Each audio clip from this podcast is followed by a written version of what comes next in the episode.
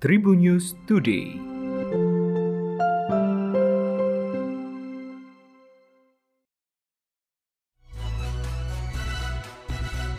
Tribun News Today bersama saya Delta Gonzales, kita awali dari berita nasional.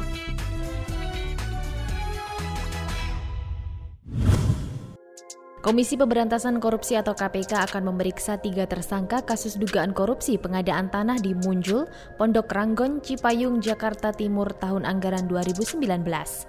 Mereka yaitu Direktur PT Adonara Propertindo atau AP, Tommy Adrian, Wakil Direktur PT AP, Anja Runtuwene, dan Direktur PT Aldira Berkah Abadi Makmur, Rudi Hartono Iskandar. Kasus ini bermula pada 4 Maret 2019. Saat itu Anja bersama Tommy dan Rudi menawarkan tanah yang berlokasi di Munjul seluas lebih kurang 4,2 hektar kepada perusahaan umum daerah pembangunan Sarana Jaya. Padahal saat itu tanah tersebut sepenuhnya masih milik kongregasi Suster-Suster Cinta Kasih Karolus Burumeus. Pelaksanaan serah terima sertifikat hak guna bangunan atau SHGB dan tanah girik dilakukan melalui notaris yang ditunjuk oleh Anja. Terkait pelaksanaan pengadaan tanah di Munjul Kelurahan Pondok Ranggon, Kecamatan Cipayung, Jakarta Timur ini, KPK menduga Perumda Saranajaya melakukan empat perbuatan yang melawan hukum, yakni tidak adanya kajian kelayakan terhadap objek tanah, tidak dilakukannya kajian apresial dan tanpa didukung kelengkapan persyaratan sesuai dengan peraturan terkait, beberapa proses dan tahapan pengadaan tanah juga diduga kuat dilakukan tidak sesuai SOP, serta adanya dokumen yang disusun secara backdate dan adanya kesepakatan harga awal antara pihak Anja dan Sarana Jaya sebelum proses negosiasi dilakukan.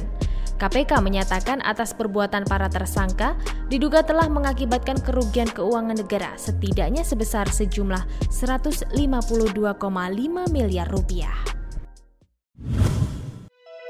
Untuk berita regional, seorang pelajar di Kabupaten Kulon Progo, Yogyakarta menjadi korban penganiayaan.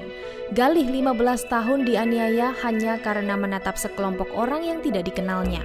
Penganiayaan itu terjadi di sekitar Stadion Cangkring, Pedukuhan Temonan Kalurahan Giripeni, Kapanewon Wates pada Minggu 22 Agustus 2021 sekira pukul 2 siang. Diduga ada rasa tak terima akibat aksi saling menatap itu, empat laki-laki yang sedang melintas menggunakan sepeda motor langsung menghampiri Gali dan temannya, Yuda. Pelaku memukul pipi korban sebanyak satu kali menggunakan tangan kosong. Kemudian Gali dibanting ke tanah dan dipukulinya secara berulang.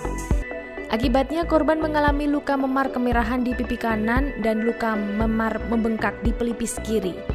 Sementara saat penganiayaan terjadi, tiga teman pelaku memegang Yuda. Polisi hingga saat ini masih memburu pelaku dan belum diketahui identitas para pelaku itu. Aktor asal Korea Selatan Lee Min Ho menceritakan proses pembuatan konten di kanal YouTube miliknya yang bernama Lee Min Ho Film. Aktor berusia 34 tahun ini mengaku banyak terlibat dalam proses pengeditan. Untuk mencegah adanya adegan yang terlewatkan, maka itu Lee Min Ho turut berkontribusi dalam proses editing. Ia menempatkan setiap potong klip secara teratur, membantu editor untuk memahami apa yang dia inginkan. Bintang drakor The Legend of the Blue Sea ini juga mengedit video versinya untuk disandingkan dengan hasil editornya. Konten-konten Lee Min Ho diketahui memiliki ciri khas. Ada yang menyenangkan, ada juga yang menyedihkan. Menurut Lee Min Ho, kontennya ini seperti layaknya kondisi yang terjadi di kehidupan sehari-hari, kadang menyenangkan, kadang pula menyedihkan. Untuk diketahui Tribuners, kanal YouTube Lee Min Ho diluncurkan sejak Oktober 2020 lalu, dan kanal ini telah memperoleh lebih dari 700 ribu subscriber. Dari berita olahraga, kompetisi sepak bola kasta tertinggi Indonesia bertajuk Liga 1 2021 dipastikan sudah mendapatkan izin kembali bergulir. Liga 1 dijadwalkan akan secara resmi mulai bergulir pada 27 Agustus 2021 mendatang. Izin terkait kembalinya bergulirnya kompetisi Liga 1 yang telah terhenti selama satu setengah tahun dikeluarkan oleh pihak Polri. Pihak Kemenpora juga terlibat dalam keputusan penting ini, sehingga tim-tim Liga 1 tak perlu merasa risau lagi akan penundaan kompetisi. Arema FC yang menjadi satu kontestan kompetisi melayangkan pesan penting kepada semua pihak terutama elemen sepak bola tanah air. Tim berjuluk Singo Edan ini menghimbau agar semua elemen bisa menjaga amanah yang diberikan Polri dan Kemenpora tersebut. Penyampaian pesan penting itu dilayangkan oleh Sudar Maji selaku media officer Arema FC.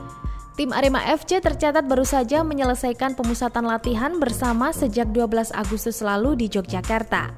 Arema sendiri dijadwalkan akan bertanding melawan PSM Makassar pada pekan perdana Liga 1 Jumat 27 Agustus mendatang. Demikian Tribunnews Podcast untuk edisi hari ini. Saya Delta Gonzales tetap update kabar terkini di Tribunnews Podcast hanya di Spotify. Tribunnews Today.